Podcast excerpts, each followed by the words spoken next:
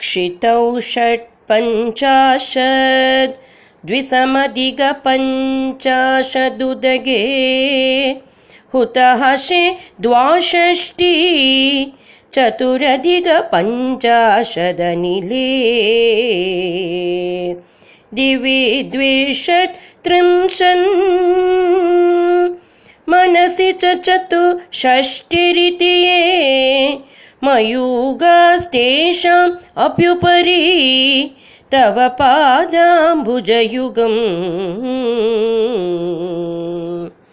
शरज्योत्स्ना शुद्धाम् शशियुतजडाजूडमकुडा वरत्रासत्राण स्फटिकघटिका पुस्तककरा सकृन्नत्वा नत्वा कदमिव सधां सन्निदददे। मधुक्षीरद्राक्षा मधुरि मधुरीना फणितया। कवीन्द्राणां चेत् कमलवनबालातपरुचिम् भजन्ते ये सन्त। कदिचिदरुणाम् एव भवति। विरिञ्चि प्रेयस्य। तरुणतरशृङ्गारलहरी।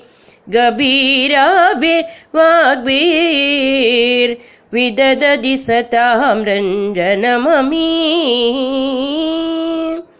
सवित्रीभिर्वाचाम्। शशिमणिशिला भङ्गरुजिबी। वशिन्याद्याभिस्त्वा सह जननि सञ्चिन्तयति य। सकर्ता काव्यानां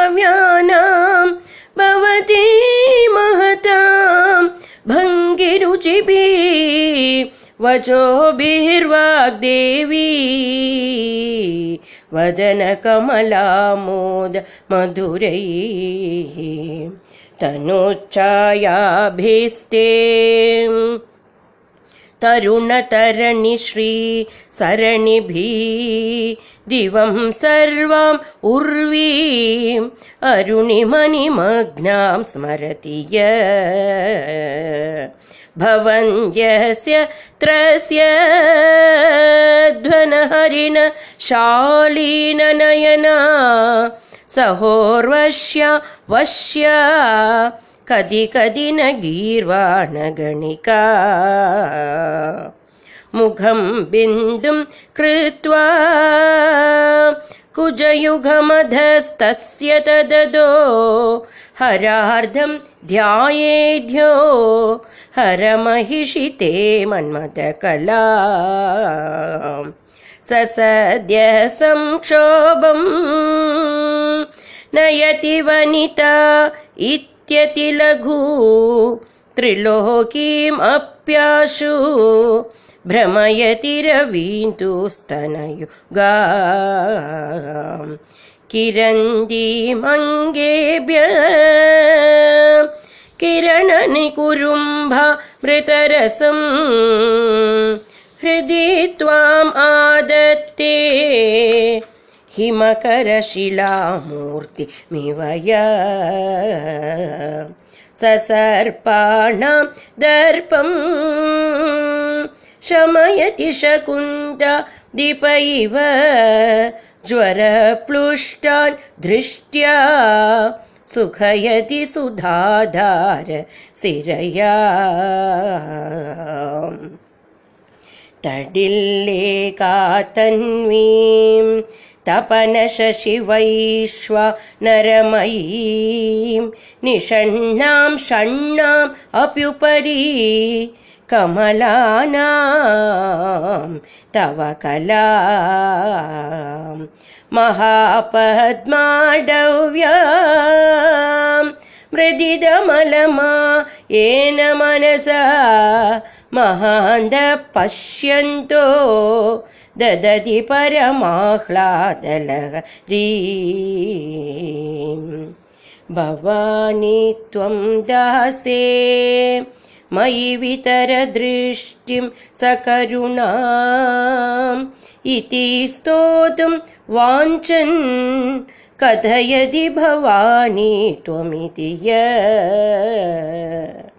तदैव त्वं तस्मै दिशसि निजसायुज्य पदवी मुकुन्द ब्रह्मेन्द्र स्फुटमगुडनीराजितपदा त्वया हृत्वा वामम् वपुरपरितृप्तेन मनसा शरीरार्धं शम्भो अपरमपि सङ्गे हृदमभूत्. यदेतत्त्वद्रूपम् सकलमरुणाभं त्रिनयनं कुजाभ्यामानम्रम् कुटिलशशिचूडालमकुटम्